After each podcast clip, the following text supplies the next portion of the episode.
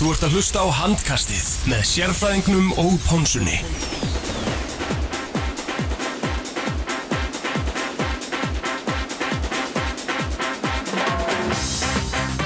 Jú, komið sæl og blessu og velkomin í handkastið. Við bjóðum ykkur velkomin hér í Nú Balance stúdíónu. Við erum einnig bóði Kulbett og í samstarfi við 8 FM. Tjátorungi Pálmarsson heiti ég Teddy Ponsa og með mér er sérfræðingur sjálfur Arnaldaði Arnarsson og gestuð þáttarins er engin annar en Daví Már Kristinsson, Dabbi Kri, handkvöldistjálfari hjá Vikingi, pislahundur leikari, spekulant og eftirherma. Takk kærlega fyrir það, drengir. Dabbi. Heiður að fá að vera með ykkur hérna. Dabbi, uh, ég enda á að segja eftirherma, ertu til að hendi en að leta eftirherma fyrir hlustendur? Komið í sæl og blessuð Nei, ég tek ekki neitt meira þetta, það. Leiðin í gegnum hjartað, líkur í gegnum magan Glæsilegt, Jón Ársæll eh, mættur hérna í stúdíóð Verður maður ekki að hafa svolítið gaman að þessu, strókar? menn, menn þurfa að að vera léttir. menn þurfa að vera léttir, algjörlega herðu, herðu strákar, í þættunum í, í, í kvöld ætlum við að fjalla um uh, aðra umferð, Óli Stildar Karla frábær umferð að baki og hérna, uh, Dabbi, hvernig svona finnst þér svona svo við tökum aðra umferðina kannski eh, með þeirri fyrstu, hvernig finnst þér mótið svona að fara að stað? Það fer bara vel að stað og bara uh, svona óvænt byrjun káamanna, kannski. Þeir eru komið fjögur stið eftir tvo leiki og Selfisika virka mjög klárir líka í, í, inn í mótið. Þannig að það er bara, þetta fer vel að stað og, og hérna á bara eftir að vera ennþá skemmtilega og betra. Það líður á. Mm. Algjörlega, herru ekki að vinda okkur bara í leikin sem var að klárast í Moselsbæ afturöldingi er 28-27 í hreint útsagt frábærum handbóltaleik spenna allt til loka. Uh, hjá afturöldingu var Elvar Áskísson og Birki Beindersson markaðist með 6 mörg hvor og Átni Bræði Jölsson með 5 uh, í er megin fór Bergvin Þór Gíslason Gjörsanlá Kostu með 10 mörg í 13 skotum. Sturla Áskísson hinn aldni höfðingi með 6 mörg uh, og það sem vekur, vekur aðtekli kannski Stefan Nílsen með 4 mörg og þess að verja einhverja 16 uh, bolta. Uh, strákar þessi loka sókn hjá afturhaldingu, Arnardæði Nei, hjá, hjá, já, hjá ég- hjá ég fyrir hvað var, í, hvað var í gangi þar? Já, hérna, bara förum frá því að Bjarni Friðsson tekur náttúrulega leikli eftir frábæra vörslu frá Steffen í, í vítinu gegn Átnabraða og náttúrulega við byrjum að Steffen náttúrulega, ef einhverju, sko kemur ekki óvart núna að Steffen Nílsen sé að skalla veggi, sko. Fyrsta lagi veranda hraðablöp og hérna frá Gunnar Malkvist það hleypur engin í ykkur tilbaka. Það líða svona kannski 5 sekundur Já, frá að vera boltan og Þórir, þangar sko, til að Þóri nær frákvæstin að Július Þórir kemur úr vinstra Þórir. hotninu og sækir boltan hægra vellinum. Já. og Elias, Elias Bóarsson sem er sko í hægri skiptunni hann er fyrstur aftur. Allavega. Og hérna að kemur ekki Nílsson sem hann naðandi vegg. na, nei, hann er örgulega naðandi veggi líka. Skallandi veggi. Skallandi veggi. Mhm. en allavega svo tekur Bjarni Friðsson þetta leikli hann ákveður að taka markbarn út af og spila 7 og 6 en svo þegar að leikurinn er að hefjast þá náttúrulega áttar á, sig, á því að þar sem boltin, markmann átti boltan þá náttúrulega þurfti Stefán Nílsson að byrja leikin þannig að þeir byrja eiginlega bara 6 og 6 og Björgun Holges sínist mér kemur ekki inn fyrir bara í þegar, eða svona þegar 5 söndur liðnar þessu sókn og þá er eitthvað 15 söndur eftir og þá höfðu þeir ekki valla tíma til að taka þetta Selfoss einu fleiri kerfi sem hann var að sækja upp, setja upp. Og svo náttúrulega Kórunar nei, Björgi Holgesson, hvað er að mér hérna? Leikið sinn bara með því að stefir allt annað maður. Já, já, en Björgur Holgeirsson kórunar bara sér leik með því að láta svona eiginlega brjóta á sér uh, næri ekki sendingu uh, þrándur Gíslason vildi meina að hafa verið frýr hann inn á línunni og, og svo fáður þetta aukakast og hann neglir í andlita á, á hvað átnabráða algjörlega, stráka þetta myndi mig svakalega á hérna uh, leik frá árinu 2015 uh, þar sem að þessi sömulið mættust í ottaleik í undanúrslitum um Íslandsmeistaratitilinn þar var ef að minni síkum ekki í er marki yfir einhverjar 10-15 sekundur eftir. Bjarni tekur leiklið sem að svona fyrir sögubækunum sem eitt svona förðulegasta leiklið sem að fólk hefur séð. Á vandræðalegt. á mjög, mjög bara förðulegt þeir missa boltan á átni bræði skora svo flautumark og, og kemur leiknum í framlengingu sem afturhelding afturhelding sigra svo uh, hvað Hvernig var þetta viðtalið? Nei, að leiklið var ekki eitthvað eða veist, hann var bara búin að gefa það þeir væri búin að vinna leikið bara, þetta var í rauninni ekkert það vantaði í rauninni bara eitthvað upplegg basically, þetta var bara bara strákar að sækja á og, og svo bara sigla þessu heim, það, í rauninni vant, þú veist, það var engin það var ekki verið að fara inn inn á lausnir ekkert sett upp að viti sko, en hérna þetta allan ég fekk rosalegt svona deja vu við að sjá þetta sjá þennan endi hjá Íringum allavega. En uh, svona jákvæðan hlutu fyrir ég uh, Bergvin Gíslason. Hann var gjössanlega sjóðheitur Dabbi, þú þekkir hann ágætlega? Já, bara frábæra alliða leikmaður. Stendur vörnina vel og setur tíu mörk í kvöld og, og það er náttúrulega ekki ástæðalösu sem hann valin hérna efnilegasti leikmaður Íslandsmótsins fyrir nokkrum árum hvað var það 2000 og, var það dagi, var það 2013, 12 Ég ætli það ekki, kringum það, þá var hann 2014, kringum já. 20, já, hann er alltaf 91 mótil, hann er 22 þá, kannski, jafnvel fyrir svo náttúrulega lenda hann í erfiðum axlameðslum en hann er bara að ná sér. Alls konar meðslum alls konar meðslum maður sem er já, bara alltaf já, hann, hann bara er flottur aðlega leikmaður, engin spurning. Það mætti eiginlega segja vinstri helmingurinn vinstri vangurinn á Íra tekið svona við uh, þeir fengu ykkur 13 mörg frá hægri vagnum í seinasta leik núna koma 16 mörg bara frá Bergvin og, og, og Sturla áskeisinni á samanskapið þá kemur ekkert hægra meginn Pétur Átni Haugsson með 2-2 uh, Kristján Orri með 1-4 og Elias Bóðsson 0-1 þannig að eh, sko Íringarnir geta verið ansi svektir að fá ekki neitt út úr þessu leik sérstaklega með að framlega leikmenn eins og Björgun Holgersson mm 1-5 Já, Akkur spilar ekki Björgvin spilar nánast alla leiki? Þeir eru með Sveinandra á bekknum uh, Akkur spila ekki Sveinandri meira sóknarlega?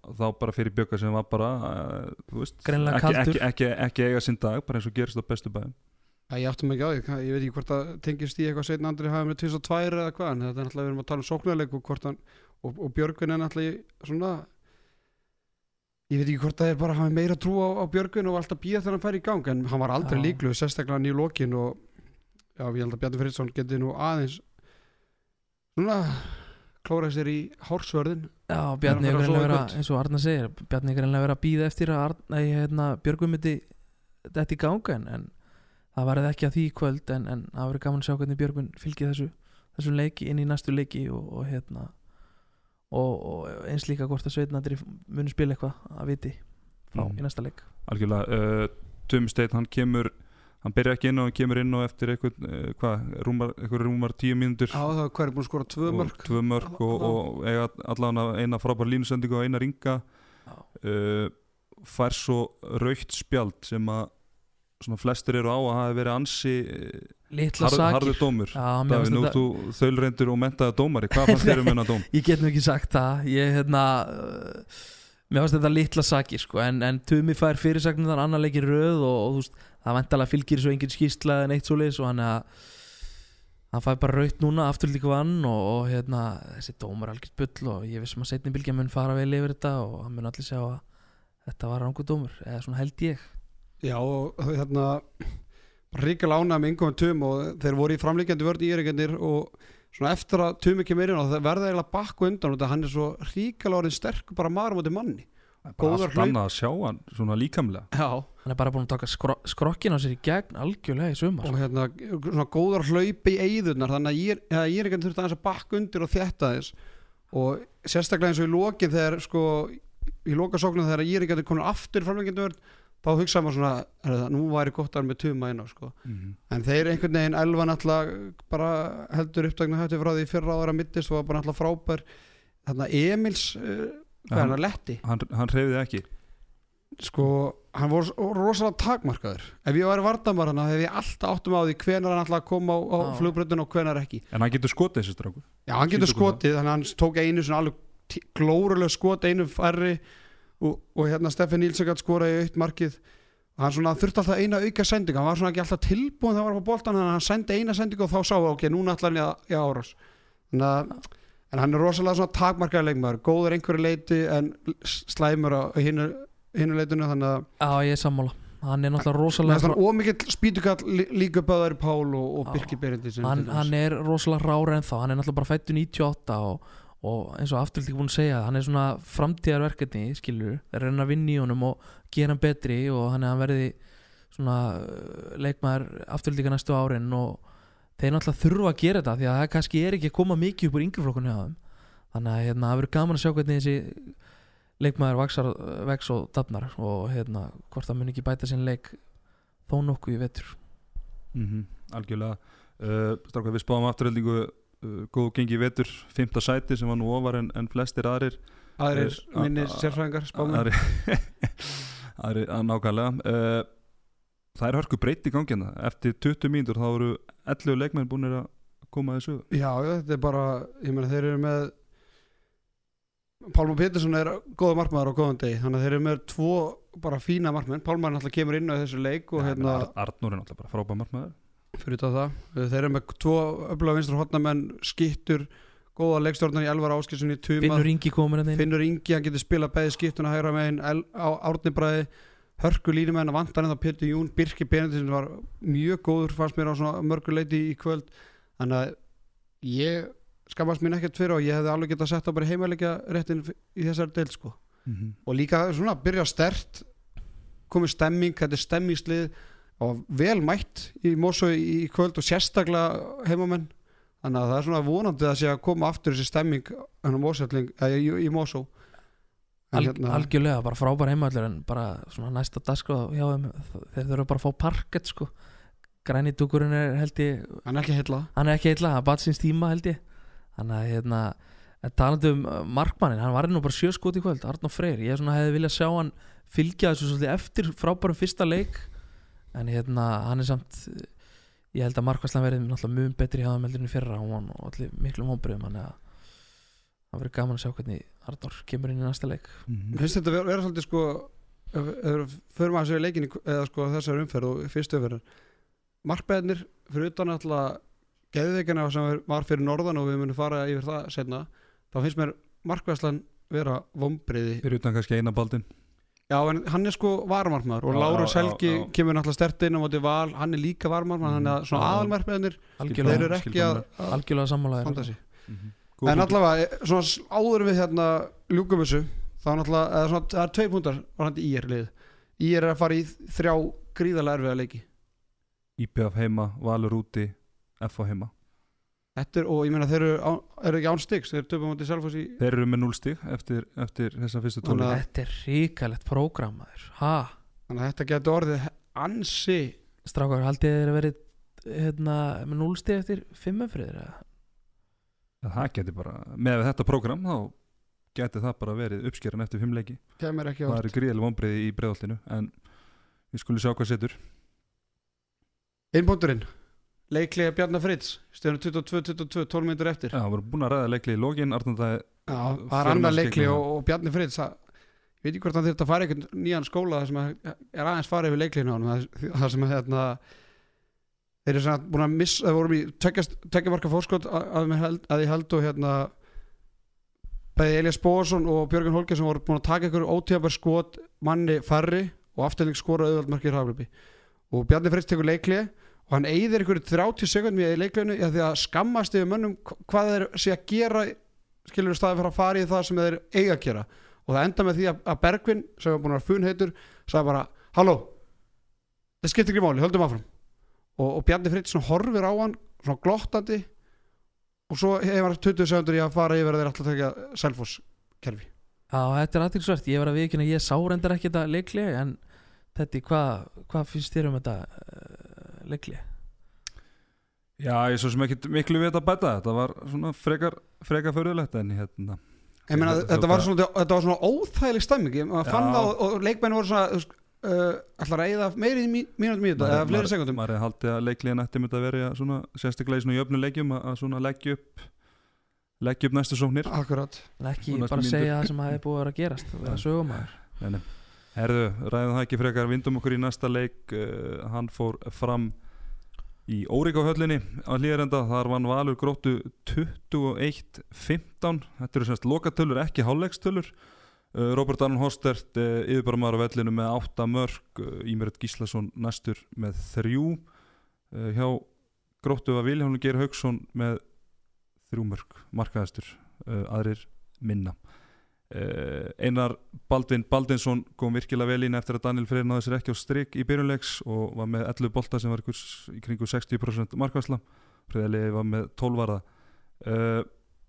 Stráka, ég fór í smá rannsóknarvinnu. Uh, 15 mörg sem gróta skoraði.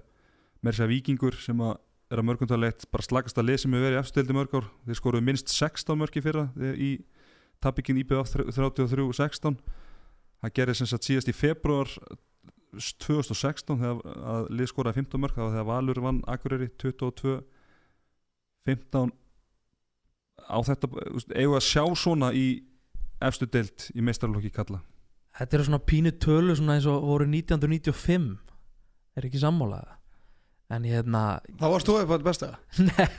Nei, nei, ég hérna var nýja ára gammal þá. En ég hérna, mér finnst sko samt að vera að gefa úst, grótu hérna smá kredit fyrir að fá bara 21 marka á sig en að skora 15 það hljóta að vera gríðarlega vonbrið heldur lið eins og val með allt þetta stórskotalið búið Einar Jónsson Jónssoni fyrir leikin, herru, þeir valur skora bara 21 markins leik, hann er Já. sennilega gripið það og, og, og vonast til að það myndi döga til að fá eitthvað át úr leiknum en Já. þeir voru ansið langt frá því svona þegar að loka flöti gall en sóknarleiku vals, eh, ég, þetta var líka svona í byrjun senast tíma þetta þú manns kannski eftir þegar hérna, þeir vinna ykkur í, í dalhúsum mm -hmm. Við leik sem endaði eitthvað 18-17 eða eitthvað. Já, ég fikk raukt í þeim leikið mitt. Já, Eh, hann kemur ekki á dórt en það er svona Já, nákvæmlega, það var svona, það var svolítið styrt það er svona, það er svona kannski sami rytmi að vissu leiti Já, hann en, en svo bara margir leikmenn Agnar Smári á, hittir bara á hræðiranleik með, með tvö mörg úr sjö skotum. Sven, Svenna Aron Sveinsson 2 af 5 Anton Rúnarsson 1 af 5 Alexander Örn Júliusson 1 4 og þegar maður telur þetta upp þá spyrir maður sér bara með hvað mörgum tapaði Valur sko, maður, maður getur ekki ímyndað sér að liði vinni Nei, með, með þessa skotningíku frá leikmennum eins og Agnar Smára, Anton Rúnarssoni og Svein Aron Sveinssoni mm þannig að það er ótrúlegt. Allsmenni bara geta prísa sér sæla og hafa farið með tvö stig og vera að mæta grótt í þessu leik en ekki einhverju betra liði sko. Nákvæmlega, uh, gróta þeir, en náttúrulega það er nýju nýju hálfleik, það er jæmt í hálfleik og það voru átta leik með gróttu upp og nú skora þessi nýju mörg sem er heila bara fyrir eitthvað styrlu tölfræði. Uh, var ekki bara munurinn á þessu liðum að Valur er með fjóra-fimm leikmi sem geta tekið yfir leiki og, og, og silti með húsa meðan gróta hefur engan mestalega einn í Jóhanni Reyni. Já, var þetta ekki bara Robert Aron Horstedt gerði gæði munið þessu Jú. leik? Já, kláraði hann ekki bara hann leik fyrir á? Hann var svo ásamt kannski einhver með einars baldins hann er alltaf frábær einhver með einar baldun og við svona diskuturum þetta aðeins í seinasta þætti þegar einar baldun kláraði leikir hann fram og hitti kannski ekki á þann leik hann átti eina krúsar vörslu og, og meira var það ekki. En hann heldur betur tróð sokk ofan í ansi marga með sinni framistu í þessu leik og maður spysi bara Daniel Ferri Andresson, þar hann ekki að fara að mæta til leiks eða? Jú, hann er allan búin að valda mér miklu vombriðum ég tala eh, virkilega vel um hann hérna í uppastættinum og spáði að hann er því bara besti leikmaður deildarum bara gæti orðið það, besti leikmann deildarinnar. Hann var það síðast að mínum að þegar hann spilaði hérna heima hann var hann besti leikmann deildarinnar. Uh, það er náttúrulega bara búin í tvei leikir þannig að ég ætla ekki að fara í einhverja blameringar en, en, en, en Danni þarf að sína miklu betri framistu en hann hefur gert í þessum Hann var alltaf lægi fyrirjálfum móti fram en síðan þá er hann ekkert getað. Valur er náttúrulega búin að kosta miklu til að fá Danna og hann þarf bara að hérna, delivera og, og hann lítur að, að stíga upp. En, en líka gaman að sjá að eina Baldvin kom inn og verja, það er svona stráku sem að er búin að vera eftirlegu svolítið lengi. Maður er búin svolítið búin að býða eftir honum. Þannig að hérna, gaman að, að hann sé að koma inn og, og sína góða framistíðu mm -hmm. Algjörlega, það er þess að leikmann sem að við í upptælingu okkar hérna yfir úlingarlandslismarkmenn í, í síðasta þetti þá, þá glemdu við að minnast á hann Já, einar baldun, já. Rétt. já, hann alltaf var í hvað 90 96, Sex 96 landsliðinu Já. já. Svo glemdu líka nefnilega einar Óla, einar Óla Vilmundarsson Já, þinn, góð vinn Já, sem er í læknirinn á mig núna í Slovaki og sko er Debregan góð Ég þekki það skengis ekki. þar uh, Grótta þeir fengu Bjark Guðmundsson uh, skömmu fyrir þennan leik Arnaldagi, hvað mun Bjartur gera fyrir grótuna? Sko, komið svolítið óvart hann hafi byrjað þannig í hægri skittunni og ég fór, hugsaði sko þeir eru greinlega í miklu vandræðum í hægra megin, gróttumenn. Og það er aðtöklusert að, Leonhard uh, sem kemur á láni frá haugum hann vill verða hægri hótnamaður Ég, þetta er bara eitthvað sem ég næ ekki. Þeir fá hann er fætt ekki sko. Flottan hæri hótnamann úr IBVF og erum með Leonar sem hefur spilað hæri skýtu Já, ég, ég skil sko, ég skil að Leonard sem vill vera hægri hóttumar, hann er ekki með stærðina til að vera skýta en hann skuli fara í gróttu eða grótta skuli fá hann á sama tíma þeir að fá sko Ágúst Emil frá IBF þannig að þeir, þeir eru ekki með það gott lið að þeir geti verið með Ágúst Emil á bekk. Og verður og þá er spyrum að nei, Leonard vill bara vera í hotni og hann er bara að hugsa um sinnferil en auðvitað kemur hann inn í hægri skiptun á einhverju tíðanbúndi og Ágúst kemur hann en það komur svolítið að Bjartur byrji þannig í hægri, hægri skiptunni sko ég spilaði með Bjarti bæði í úlingarlandsleginu og ég val og hérna hann er ekkert mikið meira en bara svolít miðumar en sko, styrkja á varnarlega kannski. Já, fyrir þetta, en ég er að tala sóknarlega sko, þá. En ég meina að Gróta er nú ekki með mestu breyttina og þú veist, þeir eru með leikmenni svo Sigþór Gellir og, og Magnús Ötter sem hafa litla sem enga reynslu af efstild og, og Bjartur hefur miklu meiri reynslu og er aðeins eldri en þeir báðir og ég held að það sé fínt fyrir Gróta að fá hann bara til að standa vörðin annarslega og kvíla Jóhann Reynir og annað og hann mun alveg fá einhverja mínútu hér og þar og, og hérna, en mér finnst þetta góðu punktur að arta með Ágúst Emil. Ágúst Emil þarf bara að fá að spila mikið. Hann fætti 98 eða ekki fyrir mér. að og hann var frábær þegar Tetti á fjárhændi fyrra. Og hann er bara mjög efnilegu leikmaður. Og hann þarf bara að fá 50-60 myndir í leik Ja, sko, með, við gæðin í hægri hotnun hjá gróttu þá þarf Einar Jónsson kannski bara að fara að googla núna bara eitthvað kerfi með tvo hægri hotnum því að hann hefur ekki efna að vera með annarkvæmt leikmannur á bekknum. Allavega að mínu, að mínu viti. Þannig að þetta er svolítið hálffúlt að vera með tvo svona leikmenn í hægri hotnunu Já, á meðan þú ert í vandraðum í hægri skiptinu. Þið vantar kannski miðjumann og, og fleiri til. Þannig að þetta er svona leiðileg staða sem Einar Jónsson er í og hann nú einhvern veginn að, að, að púsla þessu saman.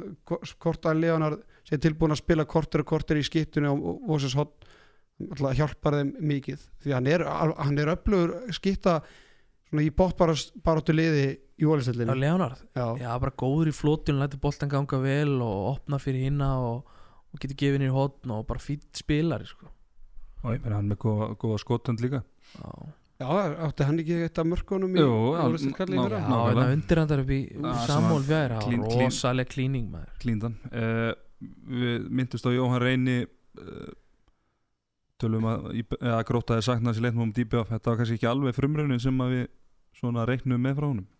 Tvö mörg og sjö skotum.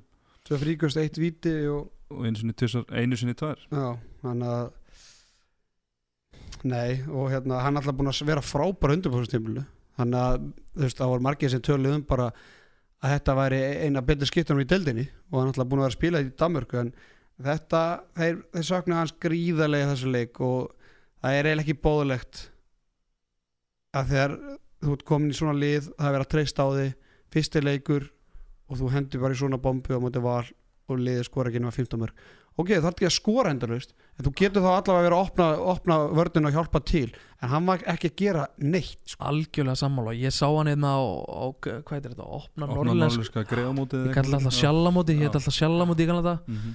hann var algjörlega frábær á þessum móti og ég hugsaði með mér hann er komið frábær standi er komið, í hann er komin í frábær stand frá Danmörku og ég hugsaði með mér hann getur bara orðið einn topp 5 markæsti leikmaður í deildinni. Hann var í þannig standi fast mér. En ég sammálaðir Arnar að hann, hann hérna lofar ekki svona, hann var ekki búin, hann valda vonbrið maður já, já, en einhvers fyrsti leikurinn hann við skulum gefa honum eh, smá gefa hann einu fyrir viðbútt Gefa honum ekki, einu- ekki eina, einu stöðum fyrir viðbútt talandi um eina, uh, Einar Jónsson hann kvartaði mikið yfir dómurunum uh, eftir leik þar sem að hann, hún er fast ítlað sínum önnu vegið og, og sagði að hann og hans hundtryggi og hárpróði aðstofmaði Björgun Þar Rúnarsson mættu ekki segja eitt yrði við dómaran þá var, væri gulakorti komið á loft Arnandæði, hvað fannst þér um um þessi ummæli hans Einars? Sko hann segir hérna í viðtali á vísi við erum litla lið í öllum leikjum og það er því, mjög, það er því mjög þægilegt að dæma gegn okkur. Mér finnst við ekki fá sömu meðferð og hinn liðin hvernig í anskotanum getur Einar Jónsson nýráðin þjálfari gróttu eftir tvær umferðir sagt þetta? Við erum litla lið í öllum leikjum og því er mjög þægilegt að dæma gegn okkur. Mér finnst við ekki fá sömu meðferð og hinn liðin. Hvað anskotast meðferður er hinn liðin að fá? Ég, horfði, ég sá nú bara IBF gróta það var nú bara ekkert að tóngislið þeirri leik. Það hallaði ekkert meira grótu sko. Nei, ég sá hann leik líka, ég er sammálaður. Þú veist, er hann að Kottum eitthvað betri ræðu ætlar að fara í ykkur hérna sálfræði sko Þú getur ekki sagt að þetta er tvær umfyrði sko Er ekki bara einar að púla einar Jóns á þetta Hann er bara reyna að hérna, setja press á dómarna og nú á, er hann að fara inn í erfiða periódu og er hann ekki bara aðeins svona að, aðeins að stuða þá dómarna og sjá, sjá hvort það hafi ykkur, ykkur áhrif í næstu leikjum á hann taktík sem að fósbólar hans Ágústi Jóhansson hefur beitt óspart í genið tíðina Já, ég meina, ég hefði alveg tekið þessu ummælum í 8. til 10. umferð sko En hann er búin að spila tvo leiki og hann er farin að strax tala um meðferð og fara að láta eins og þessi halli meira þá og hvað veit hann um að þeir séu litla lið í öllum leiki en hann er bara búin að gefa þessir það fyrirfram að að þeir verður bara litla lið minna en, þú veist, Káa Akureyri Já, þetta er kannski, er fullsnemt Fram. sko. stjarnan Já, svona kannski, já, full mikið statement svona fyrir En hann skýtur á í valsana líka ekki eða? Jú, jú, eða svona einhverju leiti hvað segir hann aftur? Hann segir hérna að, að það var verið að pæla í hvort við vorum að segja hei eða ha eða hvað sem er en á sama tíma með fullur virðingu fyrir strákunni í val sem eru frábæri handbólta þá tuða þeir hér allan tíman og þeir, það virðist verið í lagi. Þannig að já þetta er, þetta var, mér finnst þetta langskot og það fór svolítið langt yfir markið. Algjörlega, heyrðu við þá ekki bara vind okkur í, í næsta leik uh, sem fór fram Vindum okkur til eiga vindum okkur til Vestmanniða ei þar sem að eh, heimamenn mættu eh, stjörnunni sem fengu pillu frá hangastunum eftir eh, síðasta leik. Og Rúnar Sigtryggsson þjálfari stjórnuna, hann heldur betur svaraði því eða þannig séð, hann var spurðar þessi viðtali við, við morgunblæðið eftir eigaleikin Já, það var Já. Guðmundur Tómas Sigfússon Já, Sérlegur aðdáðandi þáttarins. Og ég að lesa hvað voru því Theodor, já, ertu með þetta fyrir fram að þið? við þetta hérna Blaðamaður kannaði það hvort að Rúnar hafi hlustað á þáttinn handkasti sem fór yfir frem, fyrstu umferðina í podcasti. En þar sagði annar af stjórnundum þáttarins, við tökum ekkert Sérfræðingurinn. sérfræðingurinn að í stjórninni væri bara aumingar. Höfum þú nú alveg það að rétt að ég sagði nú ekki að það væri bara aumingar í stjórninni en ég sagði að það væri aumingar í stjórninni. Rúna vildi ekki svara því. Nei, maður rífst ekki við fjölmiðlamenn. Stutt og laggott í búið Rúnars. Ég verði að segja að minnst þetta frábært svari Rúnari. Já, það er bara, bara hár rétt hjá hann bara standa alveg ekki við sérfræðingin Nei, nei, Nei, Þú veist það, það er, Það er það bara- sko. það er svoleiðis það er svoleiðis, herðu, IBVF vinnur stjörnuna 35-32 í leik sem var bara jafn á öllum tölum uh, svona undir lokin og kannski þessi þryggjamörka Sigur IBVF kannski gefur ekki alveg rétt að mynda því hversu leik, jafn leikurinn var í lokin en Sigurbergur Sveinsson markaðist um með 8 mörg og Kristján Örd Kristjánsson Donni með 7 allt annað að sjá Donna með við síðasta leik hjá stjörnunni var Arondáður Pálsson með 8 og Garðar Benedikt Sigurðarsson bankastjórin með heldur betur með góða innkomu 7 mörg uh, Arnaldæði uh, ég ætla að leifa þér að byrja bara eftir randið þitt í síðasta þætti. Það var alltaf að sjá stjórnuna með við síðasta leik. Já, bara frábært og maður svona hugsar sér tilbaka svekkjandi þessi að eiga þennan leika mot IBF sem eru eitt af toppliðunum með þessari spilamennsku hefur þeir ekki staðið tölvöld betur í afturlíku og gott betur en það? Nákvæmlega og notabenni eru þeir án Egils og Aron Magnúsar. Já, þannig að þetta er bara Já, þetta kallast að koma tilbaka. Við getum orðað þannig. Og er alltaf Leo Snær sem hvað, hann var með eitthvað hvað, náða mark í senasta leik? Hann var alltaf með, á með 5 eða ekki? 0-5 í síðasta leik. Já, enda með 7-7 Já. Frá frábæra Aron Dagur, starri góðir og hérna Garðar virkilega flott einhverjum byrja ekki leikin en mm. við heldum á tíðanbila að það væri að koma senur og ég heldum að stjarnan væri bara jafnvel að fara að stela stíi eða stígum og þá hefur maður hugsað sér sko, hvað er í gangi með íbjöð Þetta Rúna tekur leiklið þegar nokkra mínútur eftir og þá jamt eða ekki Jú. Þannig að þú veist, þeir eru aðalega geta tekið þetta sko. Þetta voru kannski svolítið klaufar að- að stela sig ekki sko. Álfúl sko, en, en að samaskapi velgerti og IBF voru náttúrulega mikilvægt að ná einn sigri á heimavelli í öðrum heimalegnum og eftir þetta náttúrulega dabra stig sem þeir fá þarna í, í fyrstu umförinni það sem eru bara stálhefnir en það er, það er margt í ólægi hjá báðanliðum Mhm. en að stjarnan sko, þráttur í tap þá geta þær allavega verið st- stoltir. Svona Já, þannig séð. Algjörlega eins og segir á hann réttilega hérna, Það er bara virðingavert að fara í herjól og fara til eiga og vera án Ara og vera án Egils og vera bara að gefa þreföldum Íslandsmeisturum nei þreföld, ekki þreföldum Íslandsmeisturum þreföldum meisturum bara hörku leik og, og vera bara hérna, í allri stöðu þegar 2-3 mínútur eftir þannig að já, ég alveg bjóst ekki alveg við þessu en, bara hérna, vel gert hjá stjórninni að, hérna að vera í jöfnum leik þegar nokkrum mínútur eftir en, en klaufara klárat ekki En getur ekki sagt það saman IBF, það er rauninni allt annað að sjá til IBF-linsins með að við síðasta leika á móti gróti. Uh, Donni, myndust hann á hann, hann var allt annað að sjá hann, þetta var svona, hann var meiri líkingu við það sem hann síndi í leiknum um mestara, mestara mestara leiknum og Sigurbergur Sveinsson, það þarf alltaf að taka hann fram, hann er bara, hann er einhvern veginn bara alltaf góður. Já, þetta er svolítið svona svolítið skrítið sko að tala um þetta Þú veist, á IBF ekki að vinna stjórnuna meiri mun en þreymörg Hann ætla að fanna Frikisson reyndar ekki með. Já, en ég meina, er IBF kannski ekki bara betur þetta? Ég held sko, þú veist þeir eru þrefaldi mestarar frá því fyrra þú veist, nýtt þjálfara teimi það er nýjar áherslur, nýtt sístem ég held bara, þú veist, þeir voru svona líki fyrra voru lengi í gangi fyrra. Og ég, þú veist, Donni þar að koma sér inn í þetta var ekki góður í fyrsta leik, allt í lagi núna.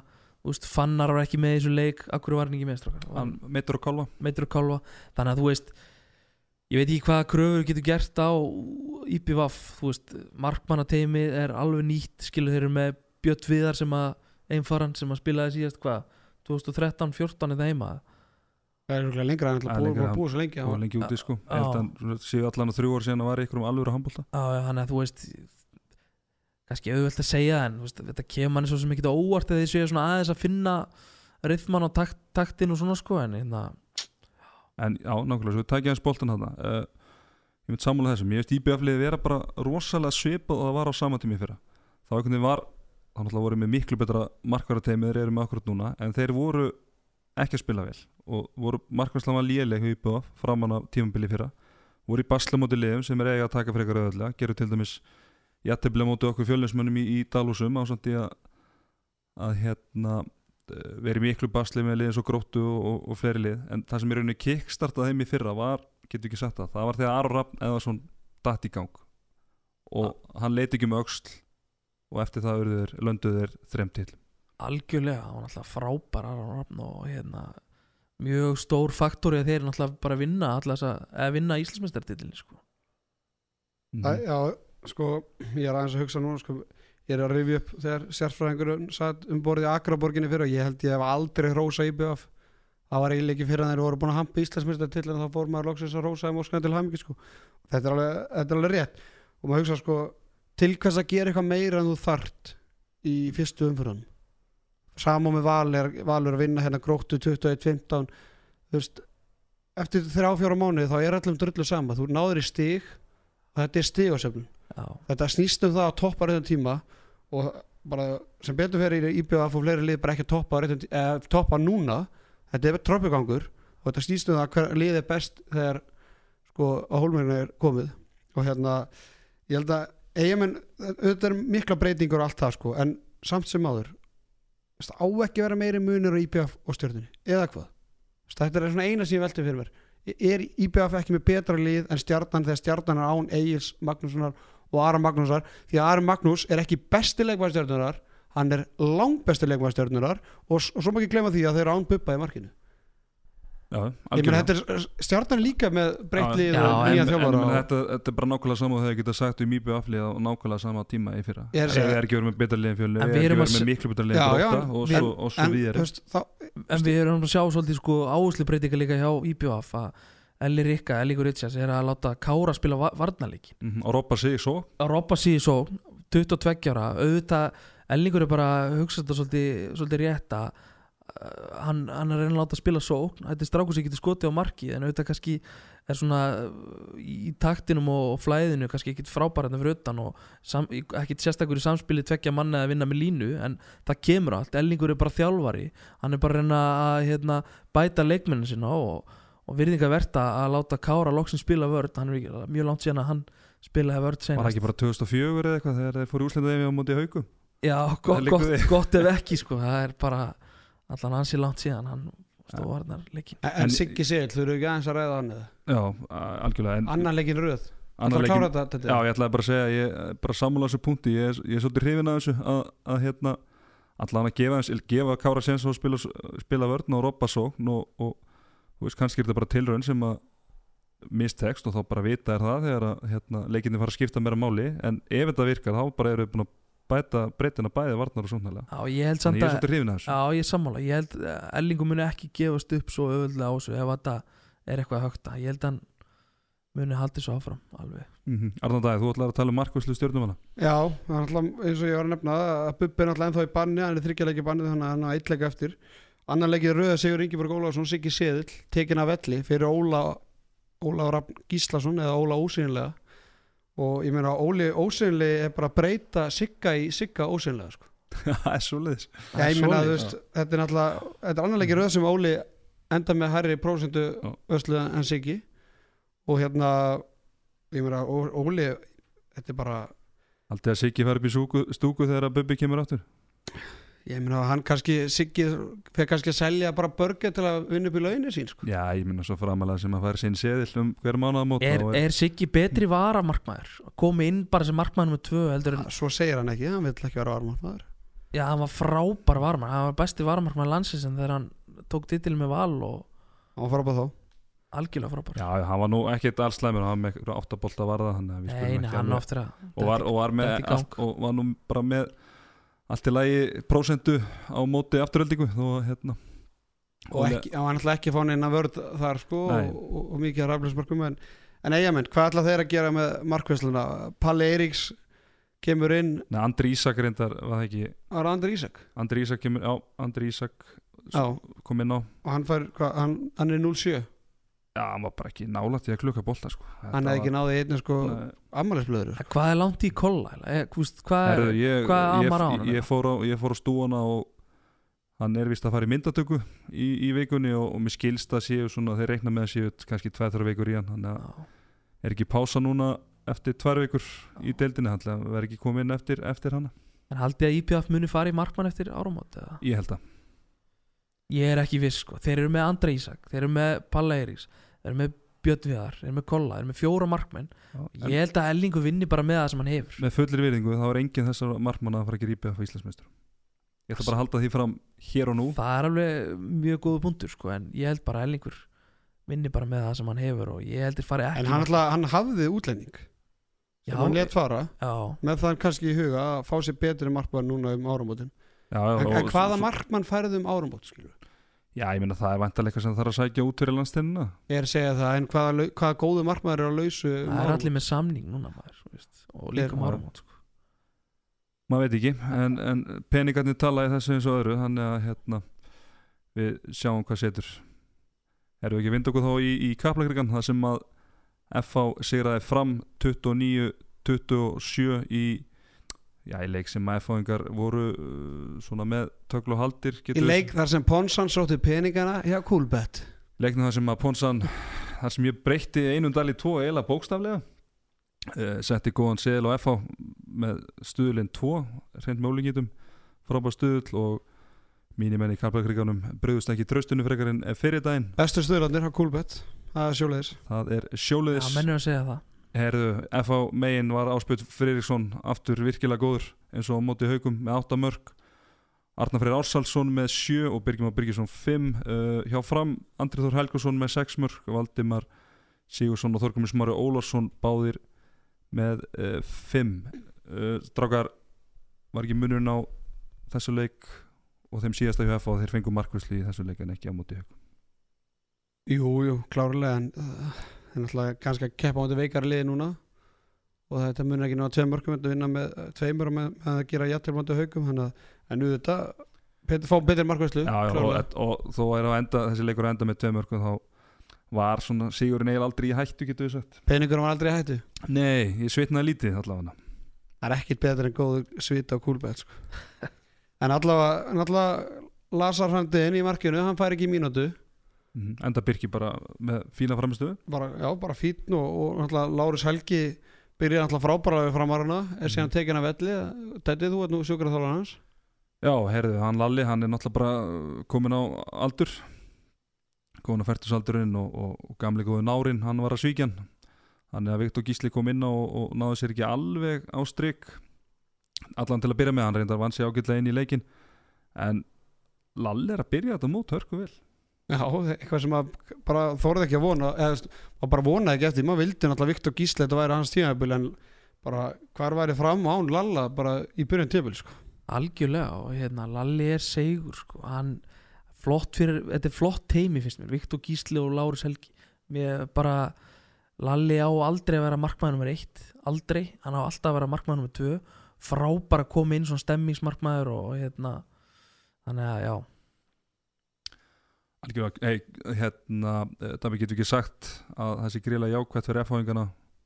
Eru konum með þrjústig en eiginlega einar að Eðsson bara inni hvað var að markaskorin já algjörlega hann með eitthvað þrjú mörki þessu leik var hann ekki með tíu skotum. Á tíu skotum, reynda með eitthvað áttasköpu færi en við erum vanaði að sjá einar að nær tökunum í, í markaskorin þetta algjörlega. lítur að vera jákvæmt fyrir F-fæðingana algjörlega og svo eiga náttúrulega líka Bjarni Ófeg inni, hann hefur kannski ekki alveg fundið fundið fundi sig í fyrstu tvein leikjunum en hérna bara ótrúlega gott sístem í gangi á FH og við sáum bara motið haugum að veist, þeir missa fjóra leikminni aðtrumesku og þeir eru bara voru bara fínir í þeim leik sko. þannig að hérna og Birgir Már frábær kaupi á FH og hérna ég vissum að Bjarni Ófeg á líka eftir að uh, stimpla sér vel inn í þetta þegar fram í sækir Ég held að Birgir Mári, alveg sammáli, ég held að það sé bara eitt af betri kaupum sumarsins hérna bara frábær lausn og meina ok, Óðinn er alltaf frábær raflismæður en, en Birgir er bara ekkit verri og, og fyrir mér er Birgir betri slúttar í hægra hotninu út af því að Óðinn þurfti nú sín skot í hægra hotninu sko í, í uppseldi sóknuleik Já. en Óðinn er alltaf frábær hérna raflismæður en það er svona þrý leikmenn sem F-fæðingar eiga inni. Allavega þrýr og ég ætla að leiða að vera giska þetta þá ertu að tala um eh, Einar Rafn þú ert að tala um Bjarni Ófeg ég ætla að segja Ágúst Birgisson. Já, það er hár rétt Ég meina Á- Ágúst Birgisson er með þrjú mörk í tveimur leikjum úr tíu skotum. Ég meina, ég aldrei ímynda mér að þetta Þú ert nú gammal línumæður. Mm -hmm. Hvernig klikka maður á línu? Hvað þá tvisasunum og hvað þá þrísunum sjö klikk. Í tíu skotum. Já, það Ha? getur verið ímislegt það getur verið sleipuboltin eða eitthvað maður veit aldrei. Upp þetta til gergvöldi Já, eitthvað svo Það er algengt hjá Dófa svo- Ponsson á sínum tíma. Svo er sér dómar alveg hættir að gefa manni víti þegar það er hérna, stukkaði manni í skotum En, mér, mér finnst þetta alltaf fáralegt Já, já, en, hann er reyndar búin að stóð sér frábælega varnarlýðsuleik og hérna og hann búið að mæða líka það sem að geti kannski skýrt það búið að mæða rosalega mikið á Gústa þessum tveim leikum, Jóhann Karl Reynisson er náttúrulega mittur þannig að við ekki að skrifa þetta líka á, þreytu bara að einhverju leiti En nú er F-fangandi búin að fá annan línumann. Já, Daði Stefán Reynisson, Já. bróðir Jóhann, Jóhanns Karls. Hann er að koma fram, hann var svona, fekk litla sensa en Já. hann fekk einhverja sensa í fyrra. Nýtti hann ágætlega sko, en hann er svona á eftir. eftir að ég kom þá náttúrulega En hvað er langt í Jóa, veistu það? Uh, Nei, ég það sé nú ekki, fyrst hann hitta nú upp á mútu haugum þá getur þetta nú ekki verið mjög Já. alvarlegt En, þetta er svona, maður bara sé þekki sko ekki. Þetta er nokkið mikil breytt sem FH eru með Þeir eru með sko Einar Örn Sindrason, Eithor Örn Ólafsson Hlinur Jóhansson Jóhann Kaldal Jóhansson og Davíð Stefán Reynisson sko allt ónótaða varamenn Mhm. Nei, ég meina þetta er bara eins og þetta hefur verið síðustu ári á FH Dóri er bara mjög þýskur og hann er íhaldsamur og hann vil spila á sínum 8-9 mönnum og hérna Hann er að spila átta mönnum á svona leik. Mhm. Það Já, er meina, þetta, er þetta er bara uppleggi sem hefur verið í gangi þarna undanverðin ár. Og við rættum það að FH væri, það væri mesti veikleiki FH-leysins væri. Þetta er rosalega þunnur hópur. Ég meina, þeir það er, ekki 14, það er vinna- 14 á skýslu en það eru, það eru alltaf 3-4 leikmenn sem þú veist að mun ekki spila nema þeir séu að vinna leiki með 10 eða tapunum með 10 Ég er Ég, verð bara að segja það, ég er að skoða þetta núna í fyrsta skipti svona alveglega en þetta er smá sjokkarandi því að það er engin leikmar hana líkluður til að koma sko inn á og hjálpa liðinu mm. Einar Já. Örn gæti komið á miðjun og, og gert eitthvað sko Sindrason en ég er að tala um sko einhver, það er engin til- tilbúin að koma í vartaskipningu eða, Mm. menna ef bara einar segjum að einar bara fáið eitthvað putta á, uh, högga puttan eða eitthvað Skilurðu, bara hvað gera, Jóhann Kaldal hann er leikmaður sem var hættur í handbólta sko. mm. þannig að þetta er smá sjokkar þetta þessi að fara inn í tíðabölið hann vantar hvað, það vantar Jóa Larsen. Já. og er það eitthvað meira eða?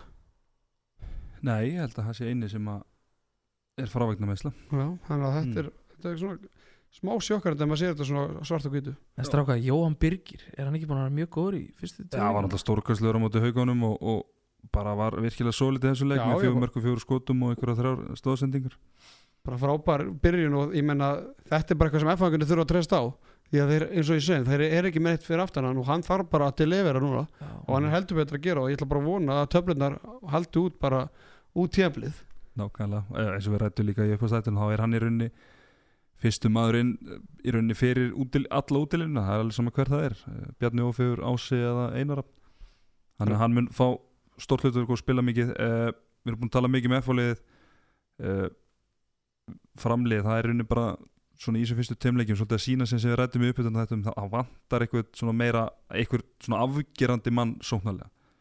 Já, þeir þurfa að fá meira frá andra heimi, Sigurði og Þorstein Gauta til dæmis. Já, ég er, bara, ég er að tala um bara eitthvað svona leikmann sem getur skorað tíma. Það, það er enginn að það sem þú hefur á tilfinningunum að getur skorað tímörk kannski andri heimir eða skora fimm og vítum eitthvað, eitthvað slíkt sko. grín að missa Arna Birki sem að laði upp ansi mikið og skora ennþá meira í fyrra en ég er alg algjörlega sammálaðið þetta að hérna, Þetta er svona svolítið jafnlið og er ekki Andri Helga hotnamær markaðastur hjá þeim núna eftir tvo líki Það er einhver tímörk held ég. Þetta hérna, langmarkaðistur Það er rauninni að því að við erum með þessi lið sem að við spáum að verði svona á svipum staði dildinni Káa, þeir eru með færingin áka sem er bara frábær og virkilega afgerandi leikmaður. Gróta hefur þetta mögulega í Jóhanni Reyni sömulegis Þannig að þetta gæti orðið vandamál Já, og það er Framara. vandamál líka ef Lárus Helgi er eitthvað tæpur í hérna eftir, í, í sínum meðslum þá þeir með ekkert við því og hvað, hvað eiga framarnir í, í næstu leikjum? Þeir eiga, er að káa á lögðan ekki? Jú það er bara passar. Mm þannig að það er bara Það er bara 50-50 leikur. Já, já, bara, ég meina það er alltaf fljúandi siglingu siglingu fyrir norða heiða. Mm -hmm. Fyrir nánar yfir það eftir. Og hérna þannig að þetta er svona ég veit ekki bjóst maður við einhverju meir en einu eða bjóst maður meir en núl stigum fyrir leik, leiki fram á móti Val og FH er ekki eitt stig bara betur en ekkert? Bara vel gert að ná í það- stiga mútið valetna Ég og held að Gummi sé bránað með það sko. Svo líka eitt punktu með fram að þeir hafa ofta ekkert verið sérstakir á haustin. Svo bara mjatla þessi í gang mm ég meina í fyrra voru þeir náttúrulega bara ekki sérstakir allt tíabilið sko. nei, ég veit það. Þetta hefur svolítið svona í aðra við á að þeir hafa svolítið verið upp á ofan og þeir náttúrulega voru svolítið upp í senasta leik og sérstaklega senasta korterið og þetta þú sást nú þennan leik. Voru þeir ekkert mann líklegir í þessum leik? Nei, ég sjálfur sér ekki. Það var bara einhvern veginn, þeir höfðu bara döglu haldir F-háingarnir einhvern veginn allan tíman Þannig að hérna við hast þetta aldrei í, í hættu. Já, þetta er bara vel góð sigur hjá, hjá F-fæðingum svona að mínu mínu viti og, og góð byrjun. Þrjú stig eftir útileika móti haugum og svo fram heima og ég meina má ekki gleyma því að framarðin sló F-fæðingan alltaf úr, úr leiki bíkarnum í fyrra. Mm. já, já. þannig að þeir hafa ekkert verið að sko tapaði labba tapaði ekki fram líka með einhverju 20 Jú, mörkum reyndar. já, Já, það er ekki svipun það tíma Það var umferðin í fyrsta- já, fyrra það var fyrir fyrsta umfyrin í það fyrra. það var bara Ísak, 40-20 Ísak Rapsson fekk 10 á HB Stats. Það var reynda rosalegt. Það var rosalega leikur sko. framarðin ætlaði ekki að láta það endur taka sig. Nákvæmlega. Herru, eitt punktur inn í lógin Arnandæði F-háingarnir þeir voru að sækja markmann frá Val sem þú þekkir ágætlega Sigurðan Óskarsson. Fættur hvað? árið 2000 hann var maður bara í 2000 landsliðinu eftir Viktor Gísla. Maður spyr sig, er þeir að sækja Sigur Dan úr, úr ung, ungmenna vals til að er að losa við Lazar uh, Minit? Ég verði að segja það kemur ekkit óvart ef að kannski ljótt að segja það kemur ekkit óvart ef að Lazar færi heim á einhverjum tímpúti en, en hérna þeir eru náttúrulega með frábæran markmannstjálfara í Rólandi Ratsjana og hugsanlega eru þeir að undirbúa bara þennan strák til þess að verða markmaður nummið tvö. Sigur Dan er alltaf uppalinn í, í FH og var hérna búin að vinna titla senstu tvö ár með hérna ungmenn, eða, hjá, með val í þriðalokki og, og fekk einhverja mínútu með ungmennaliði vals í, í fyrra. Uh, hvort þessi tilbúin til að vera varmar fyrir ólistilt kalla er er ekki alveg samfæður um það en einhver er ástæðan fyrir að þeir að taka hann frá, frá val yfir aftur í FH og maður sig sko Já, þú náttúrulega verður ekki, maður verður ekki tilbúin um að fá sensin og fá breyki þannig að það er bara Svo má ekki glemma því að FH er náttúrulega með liði í, í, í grill 66 Já, deildinni. Nákvæmlega er ekki bara að vera að sækja hann í ulið fyrir, fyrir framtíðina En svo er spurning hvort að Lasari verði ekki bara löglega með ungmennilið F og fá bara nokkar mínútur þar og. Gæðin verður að fara að geta eitthvað sko. Já, ég held að sé- það er ágætt spelling En þeir töluðu mikið um það sumar að hann var ekki komin í var ekki í stand, neinu standi og hérna Þess þá heldur að, fá nokkur á 60 mínútur út í beltið eða svo.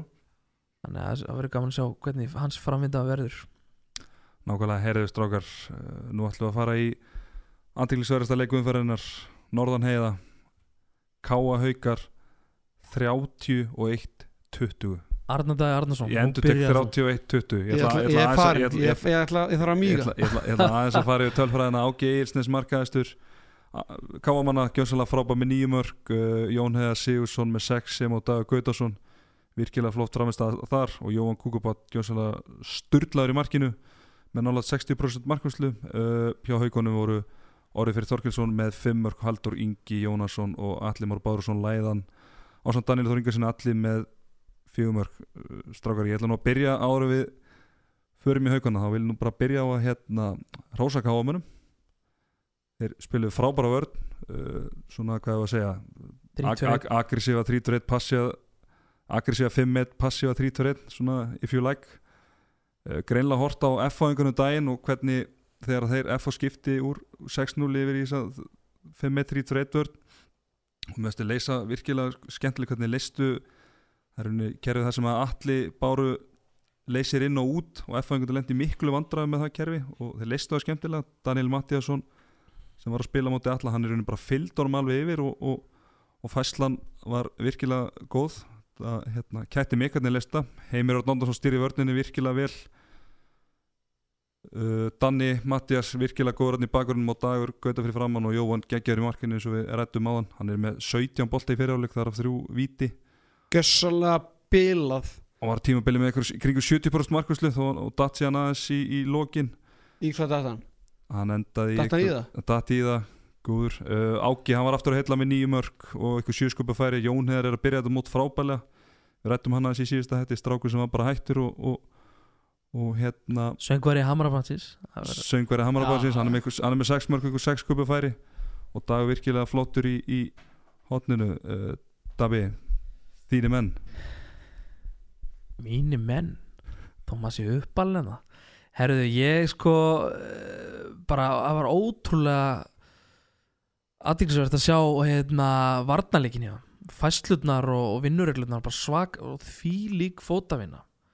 Eins og þú segir Danni Matt hérna, og, og Daði Jóns hérna, og Heimir átna fyrir aftan og Dagur fyrir framann og náttúrulega Jóhann í rugglinu sko. þetta var, hann var eh, rosalegur og hérna þeir bara virka í frábæru líkamlegu standi. Náttúrulega Stefán er búin að tala um það að þeir tóku sér þryggjagnar pásu eftir tímbili fyrra og hérna eru bara búin að æfa sleitulaust síðan. Að en sko málið það, þeir eru búin að vinna fyrstu tóleikina svo eiga það núna þrjá fjóra leiki sem eru bara 50-50 leikir.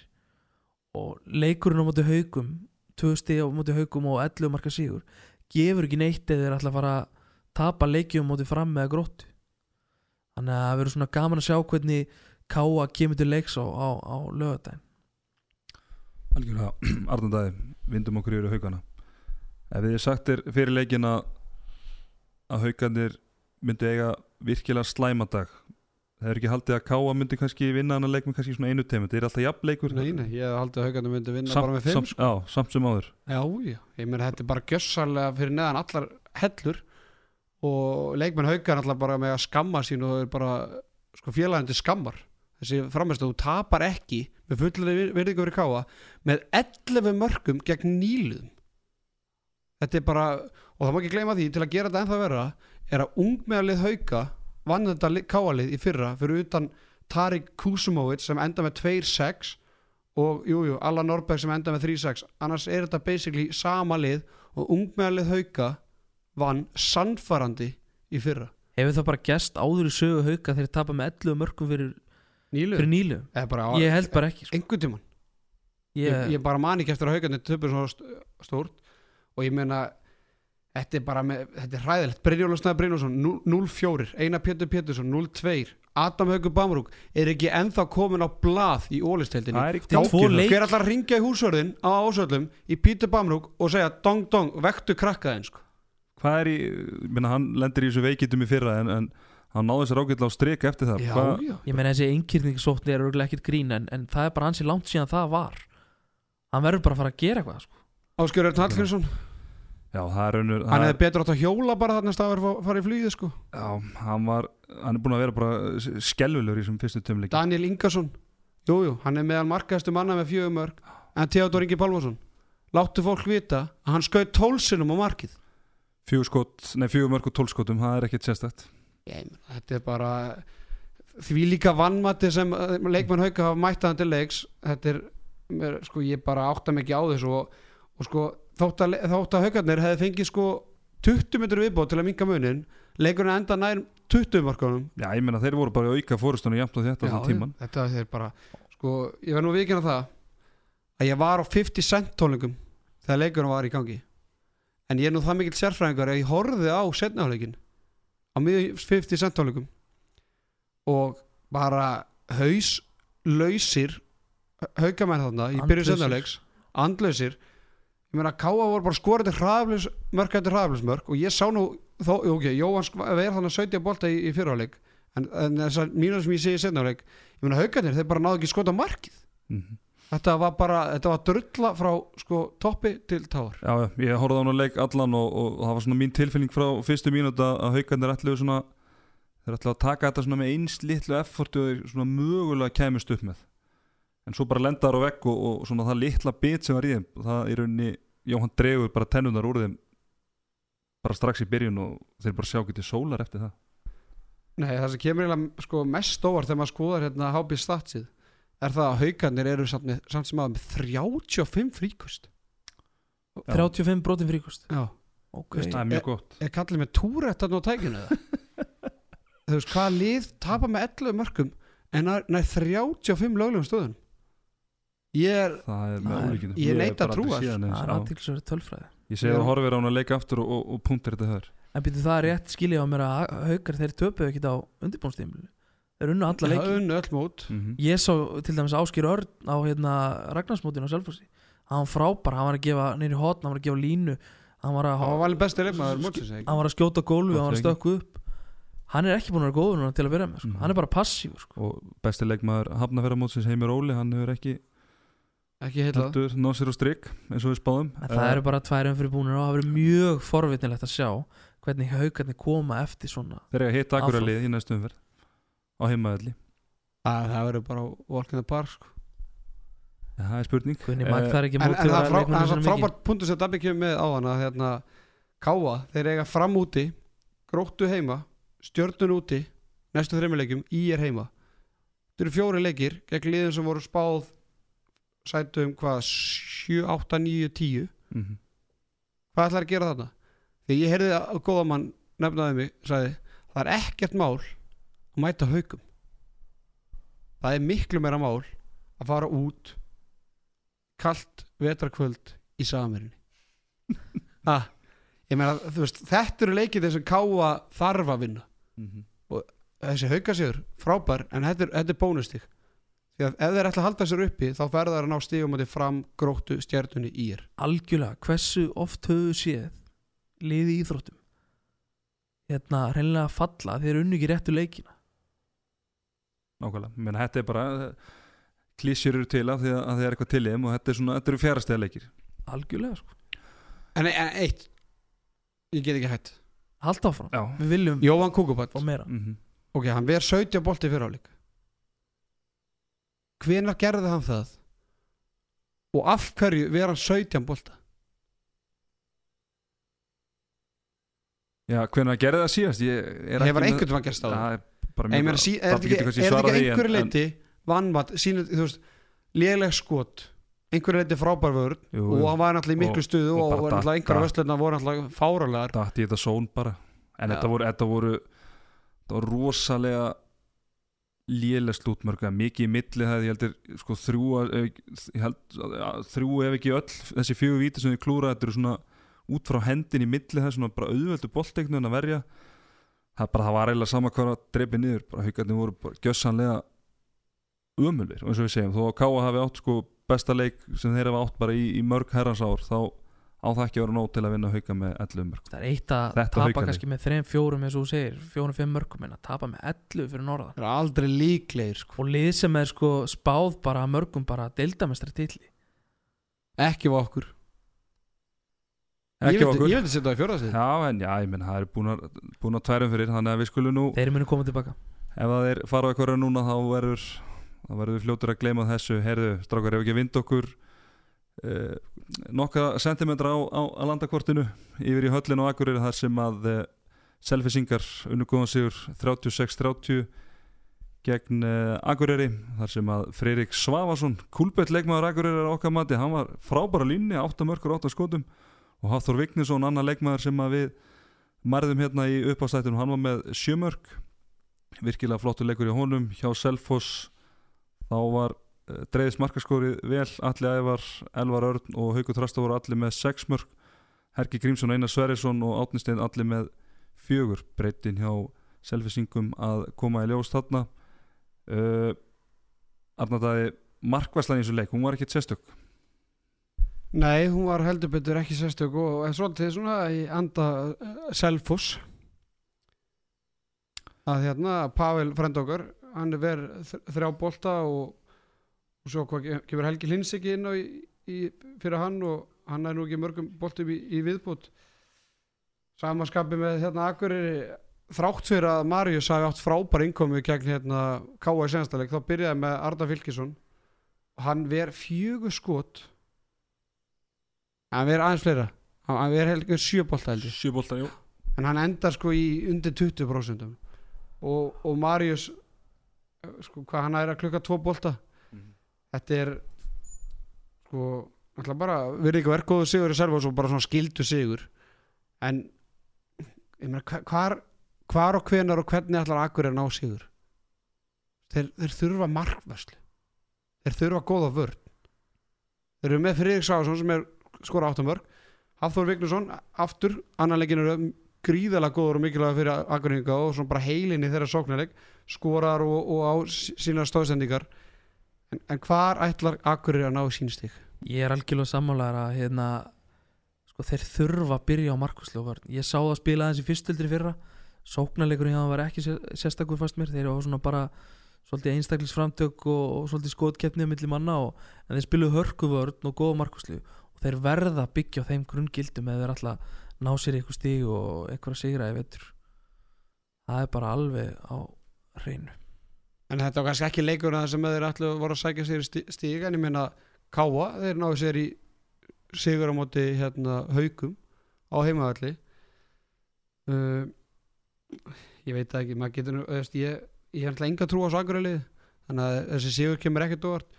Haugur Þrastarsson lifnar aðeins til lífsins og, og skorar sín mörg ja, markaskor selfinsika var gríðalega jaft í þessu leik. Mm -hmm. Æ, menn eins og, við, eins og ég nefndi þetta áðan, það eru þrýr leikmenn með sex mörg og, og þrýr með fjögur.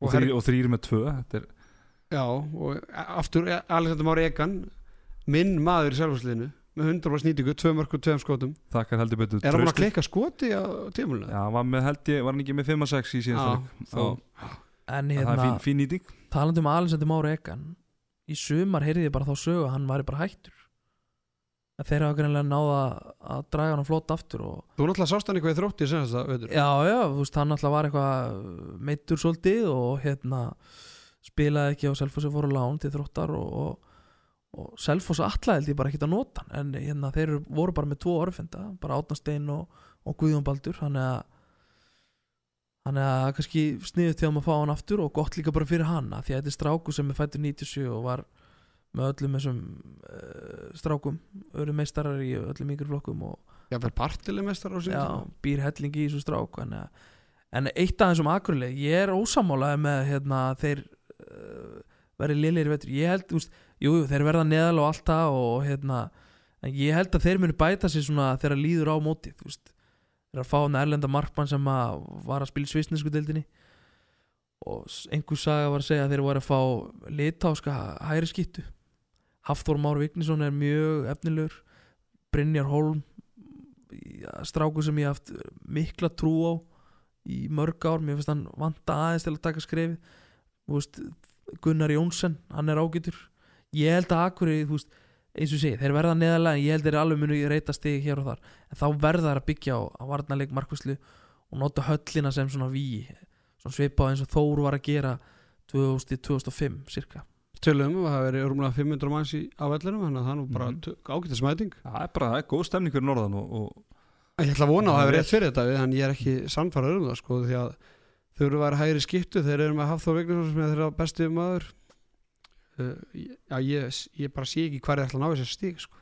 svo verðum við að tala um Leo hinn rauð Herðu, hérna, góðvinnu þáttarins Leonid Mihailju Tjenko, hann, hann náði smá basli með að halda sér á vellinum, Davíð já, hann er búin að fá hvað, tvö rauð í tveim leikjum, hvað, Arnur Dag, hvað Já, ég hvað er að frétta? Hvað er að frétta? Segð þú mér, hvað er að frétta? tvö rauð spjöld í tveim leikjum þetta, Þetta er ekki liðstyrkur sem voru að leitast eftir Þeir, voru að, þeir vildu fá mörg frá leikmannum Það lítur að vera Getur ekki samlað því eða? Jú, ég held við getum verið eh, sammála um það hann, Nei, hérna, menn, hann er ekki, ekki búin að gera mikið fyrir það á þessum tveimur leikjum og, tvö klöfulega rauð spjöld en, svo, en ég ætla nú ekki að það er svo ljóttar alltaf að tala um sko útlendinga og þá sko alltaf með hugsa um útlendinga þá hugsa um peninga. Eðlilega. Já, það held þarf að skaffa þessum mönnum bíl, húsnaði já, og, þessi og, býr hjá Íhor. Þessi býr frýtt hjá Íhor. Já, ja, það er svoleiðis þeir það er saman. þannig þetta er, þetta er eitthvað vinagreiði sko. Bónusvinningur. Já, ef að Ígor er lottavinningur þá er þetta bónusinn. Já. Eurojackpot. Eurojackpot. En allavega þannig ég held að það sé ekki peninga þetta er engin siggi siðil sko Nei, er, það er engin engin sem topa sigga seðil. Uh, Drókar uh, ef við ekki hérna fara að vinda hvaða hver í kross. Uh, Guðjón Guðmundsson, góðinu þáttarins Gaupi, hann hendi tilkynningu á Twitter um daginn. Ég ætla bara að fá að lesa hann upp. Í frönsku úrastildin í handbólta er eitt raut spjald eftir tvær umferðir í Danmörku tvöruð eftir fjórar. Til dómarunemndar HSI eina á Íslandi fimm rauð spjöld eftir tvær umferðir. Og það náttúrulega bættist í, í já, sex eða ekki? Já, sex þá með vantarlega uh, Við- já, Leon, ég hafa búin að bæta það töfum held ég sko. Bannum Já, það voru fjögur í já, já, já, sex. Þannig að nú er náttúrulega nýr formaði dómarinn þetta er hási þannig að það verður gaman að ég legg til að þið kannski ringi bara í hann Já, ég meina, hvað er samt í gangi? Þetta er og svona í mörgu tilfellum eru er þetta svona fyrir kannski finnst manni ég meina, eru þa þannig sakir að tvær myndu væri kannski bara einhverju leiti en e, allavega rauðaspjaldið sem Tumistedt fekk á hann mm -hmm. ég meina þetta er sko lítið tittur sem hefur ekki spilað vörn á æfisinni og hann rétt í sko hálsmála á hann með sko fyrir mig, eða ég sá þetta þannig að hann fór nú bara í vinstra, eh, öxlina á hann sko. Og það eru tveir afturleikum að brjóta, það er ekki sjens fyrir dóman að sjá þetta. Og man, við erum búin að horfa á þetta í sjómas endursýningu og það er mjög erfitt að sjá þetta og hann bara, hann láð hann í jörðinni og dómarnir glifti þetta. Mm. ég vil, ég vil meina það. Og það er bara ekki nægilega gott. Þú þart eins og þeir voru að segja í útsendingunni. Þeir sáu þetta ekki, þeir voru að lýsa. Stefán Átni Pálsson og hérna Sigursteinn Nardal. Þart að vera 100% örugur og við hendum í hérna könnun á Twitter, spurðum einfallega bara hvort að þetta væri rauðspjald. Og það var bara 70% áhor, eða, þe- af þeir sem er að fylgja okkur og vildum meina að það hafa ekki rauðspjald. Mhm. Og ég meina svo voru einhverju svo svaruðu þessu tvíti á, á Gaupa og hann var eitt eitt hérna ég held að hann heiti Sigþór sem hérna skrifa undir að Sigþór Gellir? Nei, reyndar ekki, Sigþór Jónsson markvörður, fyrir markvörður hérna, Selfoss og Fram og, og Sigþór Jónsson. Mm -hmm. Sigþór Þórsson eða eitthvað. Selfisíkur, allavega. Já, Sigurþór Þórsson. Sigurþór, já, já, já, Já. Hann spurði, eða hann vildi, hann vildi að Gaupi myndi sko uh, tala um hva- hvaða rauðspjöld áttu ekki rétt á sér. Því að við getum alveg saman það að rauðspjöld á Birki átti rétt á sér. Og, það, og við tölum um það til dæmis að, að Þorgrinn Smári hann hefði getum ekki rauðspjöld um þetta var Mhm. þannig að þau, það er spurning bara er, hvað eru leikmenn að gera vitlu sko? Er þetta stundum óþarfa brot? Eru þeir að, að, að leika sér á eldinum? Þannig að við getum ekki bara hendur svo á dómarana við þurfum líka að spyrja okkur hvað eru leikmennir að gera ránt Mhm. nákvæmlega er þeir rétt staðsettir, er þeir að vinna rétt á fótunum? Er þeir að, akkur að slá í andlit? Akkur tekur ekki bara hendina, akkur fer ekki bara fram á hendina og trubla skotin já, ég meina við sjáum bara eins og franska landslið á stórmótum í handbólta, þeir fá alltaf tvær myndur sko, Ég er að segja það, þetta er, náttúrulega ef ekki frekar hlæja leikmennum og gaggrínast leikmennum Já, já, gott við ekki, maður náttúrulega kannski ekki búin að horfa á alla þessa leiki í franskúrustildin til að geta borðið þetta almennilega saman. En hérna annar punktur sem ég vildi ræða við ykkur strákar eh, það eru fjóri nýjir útlenski markmenn í deildinni eða sem að voru fegnir eh, fyrir deildina. Eigamenn sendu sinn heim. Lassa Mínins ekki heitlað spilar ekki mínútu í þessar umferð. Uh, Pavel í Selfossi hann er einhvers með þrjá bolta hvað var með sex í, í fyrstu umferðinni? Og Marius hjá Akureyri hann átti ágætis innkomu í uh, síðust umferð en erum ekki tvo bolta í þessari. Uh, hvað, ég vil bara spyrja ykkur er þessu menna að styrkja deildina eitthvað mati? og nákvæmlega, það- ég vissi ekki hvað allar að spyrja nákvæmlega það sem ég ætla að segja var bara ég vil markmenn sem styrkja deildina Mhm. og svarið þinni spurningu er nei auðvitað eru náttúrulega bara tvær umfyrir búnur og allt það en, en hérna sko Selfoss er að ná sér í markmann til þess að reyna að taka titil í vor og eiga mig líka Pavel þessi, ég heyrði að hann hefði verið með næst næst flest varða bolta í pólsku deildinni og eftir slafa mér sval, hvernig smal þannig að gæinn lítur að geta eitthvað. Auðvitað verður við kannski að gefa honum eitthvað smá tíma en, en hérna Pólska deildin er þetta í mikið til að sko. Já já en hérna En vissulega, ef, ef, hann greinlega hefur varið bolt á æfinni þeir tala vel um hann hérna á Selfossi en, en hérna er nægu tími til stefnu það er nú bara ennþá september og tvær enn fyrir búin Við ætla að rættum hann að Lasar í senasta þetta náttúrulega við tr- treystu því að sko bæði Róland og svo má ekki gleyma því að, einn af sérfræðingunum í setnibilginni Sebastian Alessandursson hann gaf Lasar minnig góð meðmæli áður en FH tók hann og FH tók hann snemma sumars Mhm. þeir voru búin að taka hann í júni Mhm. og að ma- maðurinn skulle ekki vera betur en þetta það veldur mér sko áhyggjum og bara holningin á honum þetta er bara engin markmaður sko. En er ekki kannski umræðapunkturinn Akkur eru við ekki að búa til eins og við tókum kannski síðast að þetta Akkur eru við ekki að búa til fleiri markmenn sem geta allan að tekið þessi spott sem eru laus? Já, eru þeir að fá sensin algjörlega. Þetta er, þetta mun allt saman koma betri ljós þegar liður á tíumbilið Þetta er bara svona, já, þetta er svona food for thought svona eftir uh, aðra umferð. En strákar það eru tveir leikir búnir í ólistild uh, Kvenna Ágúst Jóhansson fór með stúlkunda sína norður við heðar og vann öryggan sigur á K.A. Þór 25-19 og í Vestmanniðum unnu IPF stjörnuna 27-25 Dabið þú fylgist vel með Kvennadeildinni uh, Þetta eru kannski ekki úslit sem að koma mikið óvart Nei, nei, eins og mest það kemur ekkit óvart að stjarnan hafi tapað eigum, erfiður heima öllur og allt það en, en að en uh, stjarnan alltaf er líka bara ég talaði við Bastaðum daginn og, og hann var að segja mér að væri að hann misti Solveig Láru rétt fyrir mót, hún er ólétt. Og hérna það er svona lítið breytt hérna fyrir utan. En hérna þær eru örugglega eftir að koma til koma svona aðeins sterkari til leiks eftir, þegar það líður á. En ég held að eins og IPVAF sko markvæsla og vörn skiptir náttúrulega svolítið máli í handbólta sérstaklega í kvennabólta ég held að IPVAF með svakalega vörn og fínan markmann. Ég held að þær geti alveg gert fína hluti í vetur. Þóra Anna náttúrulega frábæri stjórnuleginu með nýju mörg leikmann með tíu hjá stjórnunni Kristín Guðmundsdóttir. Þetta kallaði sérfræðingur í fyrsta þetta í- Þú íjaðir að þessu í, uppastættinu Þú hún er mætt í þessu. stjórnuna þú skúpaðar þessu. Hún er mætt í stjórnuna nú er bara þegar Elin Jónas skrifið undir það fram. Og þá er sérfræðingurinn tveir, tveir En- og handkastið er á blúsandi siglingu. En má ég segja Dos, að dos. kemur alveg svolítið óvart að Kristín Guðmunds hafi farið að spila fyrir Basta. Að því að munið um árið þegar hún gaggrindi Basta í beinni útsendingu. Kottum með það. Og bara leta hann heyra það, sko. Wow, býtu nú við. Nei, Förum, förum, förum aðeins niður hérna minningastrætið. Nei, hún var, hún var einhver álitskjafi og, og hérna bara þegar Basti var að þjála Selfosslið þá bara rauna hún yfir leikstíl Selfoss og, og, og leikliðsins og hvað væri hvernig sóknarleikur væri og annað þannig að það kemur svolítið óvart að sjá hann að fara og spila í Garðabænum núna. Basti er að, hvað segir þú þetta? Ég sagði, heyrið þetta sérfræðingar að handknansins þeir gleyma engu. Er sjóleis En allavega, ég ætla allavega að segja bara hérna, Basti er að sko hann er að hann er að fá leikmenn hérðan og það nýta stjórnulið. Og sko ég jújú, jú, staðan var 17-11 fyrir IBF í, í hálfleik. Þannig að eh, sko, tvö mörg stjartan vann sig aðeins inn í leikin en þetta var nokkuð sannfærandi sigur. Saman má segja með Káa Þór Valur uh, Val, Valstalfundur 18-11 yfir í hálfleik komast held í 7-8-1 þær áttu bara ekki breyk. Káa Þór Valur sp- spilaði bara killifrætt 6-0 vörn með Írisi Björkver í aftan og, og þannig og svo rúlaði þetta bara. Maður hefði haldið þetta enda í 10 pluss en þetta enda nú bara í, í 6 mörgum en Marta, Marta Hermans, mannstu við tölum hana sem líkir um hann, mm -hmm. hún enda með 7 mörg Já, algjörlega Enda marga fjöruna sopi í þessum bransa Herri strákar, ef við að fara eins yfir uh, næstu umferð í ólistild Karla Hvernig deildin henni líkur Fyrstu umferð Má- má ég segja? morgun. Má ég segja annan eitt? kvöld Já, já Eli Jóna, er hann á leiðinni fram? Arðan Daði, hvað er ég, getur betur það?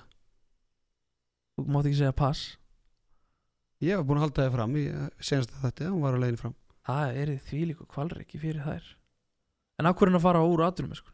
Góð spurning. Þetta kemur allt saman í ljós. Kemur allir ljós. Herri, það eru tvei leikir eftir uh, í fyrstu umferð Ólistildar Kvenna, það er Selfoss Fram og HK Haukar. Stöðlarnir eru komnir inn á Kúlbett 1.20 að fram og 1.11 á haukana. Já. Haukarnir er alltaf mestar að mestarana og skoðandur hafa ekki með það. Já, algjörlega. Í að Ólistelt Kvenna er komin inn á Kúlbett Glæsilegt það. Uh, Herru, við ætlum að fara yfir næstu umferð. Úli Stildar, Karla, þriðu umferð. Hún hefst, hún hefst á lögadaginn uh, Við förum yfir stulana IR IBVF Það er 3.25 á IR 1.50 á IBVF Fram Káa 1.50 og fram 3 á Káa Haukar Akureyri 1.16 á Hauka. Og eh, 8 á Akureyri. FH Gróta 1.20 og FH uh, 6 á Grótu Selfoss afturhelding 1.7 á Selfoss 2.40 á afturheldingu Stjarnanvalur 4 á stjörnuna 1.36 á val. Strákar, ég hendi í í búinn að pleysa tvö veðmál fyrir næstum fyrr og ég ætla, ég ætla að deila því með ykkur og, og hlustendum fyrir þá sem að vilja uh, free cash.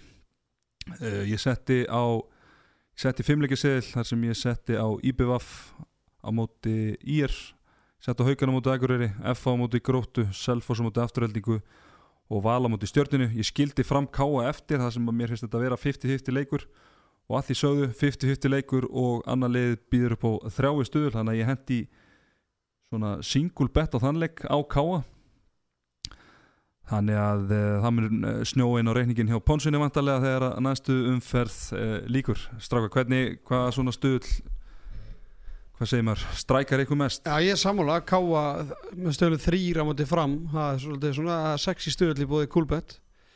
Uh, annars er þetta svona síkilt, ég held að ég meina, ég er í BVF ég get alveg sett peningina mína í er þar Já, ég, hérna, ég reyndar, ég var með einn aukaseðil þar sem ég var með Já, með fimm leiki. aukaseðil líka? Já, já, með aukaseðil þar sem ég er einnig slefti, ég er einmitt sammála því að þetta er svona sáleikur sem ég kannski hrættastu við hver er stöðlan í er sér? Tveir?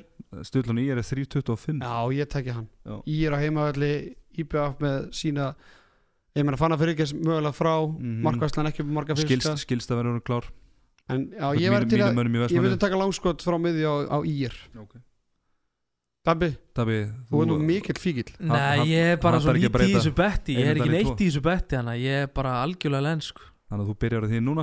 Ég ætla, ég ætla að kenna þér að sá þetta. Er bet. búið. Já, það er mjög vel talað um þetta bet Það er bara þannig. Algjörlega, erum við þá ekki bara að vera helviti í góðu strákar? Jú, en svona rétt í lokin áður við hérna segjum skilið og, og hverjum Davim að Kristjánsson það sem hann líður best í, í settinu þá er náttúrulega, það má ekki gleyma því að þeir báðir Theodor Ingi Pálmarsson og, og Davim að Kristjánsson þeir eru miklar gaupa eftirhermur. Og gaupi er mikill áhugamaður og, og hérna um handkastið Já, og, og virkir hlustandi. Þannig að ég ætla nú bara að byggja ykkur svona rétt í lokin. Þetta er aðtílisvert þetta. Að að, það hérna er fínt að fá smá hetsu fyrir Já, þetta kemur okkur Já. algjörlega í, í já, það er nefnilega skemmtilega við þetta sko. og hérna Hvernig viltu hafa þetta? Er, ég ætla bara fyrst að byrja ykkur að fara í eitt skærbarsteinn Já. um hvora á að byrja Nei, ég vil að Teddy byrja sko. Þú ætla að þetta byrja Nei, ég vil taka skerflistein Sko Teddy, þú ert eða betri í að lýsa Gaupa þegar Já. Gaupa er að taka lýsinguna Dabbi, ég ætla að fara á Twitter og þú ætla að lesa upp eitthvað tvær Twitter hérna fæslir frá. Ég er held að hérna, Gaupi verið ekki ánægð með mig maður Núna Gaupi- hefur húma fyrir sig, hann er mikill léttur. húmoristi Topp maður Herðu, hérna uh, tvær klippur. Ég er með eitt það sem hann er að lýsa mark, eða þú veist, það sem ég er að fiska vítakast í leikum af afturhaldingi fyrra. Uh, þar sem hann ég er sem sagt fyrir það sem ekki vita er uh, löggiltur endurskoðandi en hann einhvern veginn fekk að út að ég væri fasteignarsali ég Það var frábært Það var að- frábært, það sem ég hló. Þannig að ég ætla að fá að, fá að, fá að byrja á því. Svo, svo er ég með aðra í, í bankandinn líka. Ótoni og Tjáttúr að fiska viti Sjáu þið fasteignasalan Hann lítur á að selta eitthvað í vikunni Hvernig er þessi? Þetta var mjög vel gert Já, það ekki Hún náður húnum ansi vel segja. Það verður takk. erfitt að toppa þetta Ég segja að Dagmar Kristinsson takk eina núna og svo Já. Teddy aftur og, Já. og svo Dabbi Já, ég er náttúrulega með öðruvísi nálgun Hvað, hérna, hvað vilt ég taka í erndagi? Býtu, já, ok Hvað, hérna, hvað tvituvöslu vilt ég lesi? Ok, það er Arnardagar rétti mér hérna tölvuna. Nú voru það Pepsi-dildin í dag, lokaslægurinn að hefjast, hafa valsmenn pungi að klára mótið, FA og KR berjast um sæti í Evrópu, Evran er vinsal hjá stjórnundum félagana, fjóri leikir á dagskrá, Pepsi-mörkin slá botnin í þétta dagskrá helgina, bestu eina. Elviti góður sko. Nú er það Teddy, hvað er að taka núna Teddy? já, að, nú ætla ég bara að taka svona freestyle. Freestyle? Þetta er að Botinn er á degandi mark. Káringar eru komnir yfir. Sumir þá Hvað er Stefán að gera á því markinu? Takk fyrir mig. Dabbi. Hvað á ég að taka núna? Aðra tvittivæslu Já, þú byrður ekki lítið maður. Jesus, herðu. Ég er að fara einna niður. Smá tæknilegur örlugur hérna. Þetta er eh, frábært útarsefni Er það komið? Meistarakefni hvenna í handbóltanum í kvöld. Fram haukar. Við ætlum að fylgja þess eftir á stöð 2 sport. Setni bylgja, jú, jú, Uppbyttur á það best því í bænum. Það var ekki fleira að sinni Eina Erðu glæsilegt, herðu strákar hefur ekki Arnanda, ég, ég veit ekki alveg hvert þú varst að fara með þessu Já, en ég vona, vona, þetta er vona, svolítið svona uh, Sérstakur loka nykkur á þessu Já, en já, Þetta var gott stöf við Vonandi að að hlustendur bara gaman að Við þessu verðum að hafa húmor fyrir sjálf okkur og, og vonandi hefur Guðjón Guðmundsson það líka ég er nokkuð vissum, vissum það. Eh, Strákar hefur ekki bara segja þetta gott Dabbi, var þetta ekki bara gaman eða? Jó, bara frábært að, að hérna, kíkja hérna upp í víkukvart til eitthvað félagana og bara þátturinn frábær og ég meina tölurnar, hlustun og tölurnar tala sínu máli. Þessi þáttur er gríðarlega vinsall og ég held að muni bara aukast þegar líðar á vitur Sérstaklega eftir þennan þátt. Nákvæmlega, Arnanda, þú varst í köpunum helgina? Já, þar var fólk að hlusta á hangasti Já, og það náði, náðist rétt að renna af þér fyrir upptökur og, og, og það er vel Nei, nei, Hvernig var á 50 cent? Það var, eh, það var gott. Hangasti er betra. Nákvæmlega, nákvæmlega. Herru stráka mínir, þetta er komið gott í byli uh, Þakka Arnari Daða og sérstaklega gesti þáttarins Dabakri Kærlega fyrir Takk fyrir Samveruna. heiður. Uh, Handkasti þakka fyrir sig. Ponsan átt Eina. Arnar Daði og Teddy Ponsa með þér í handkastinu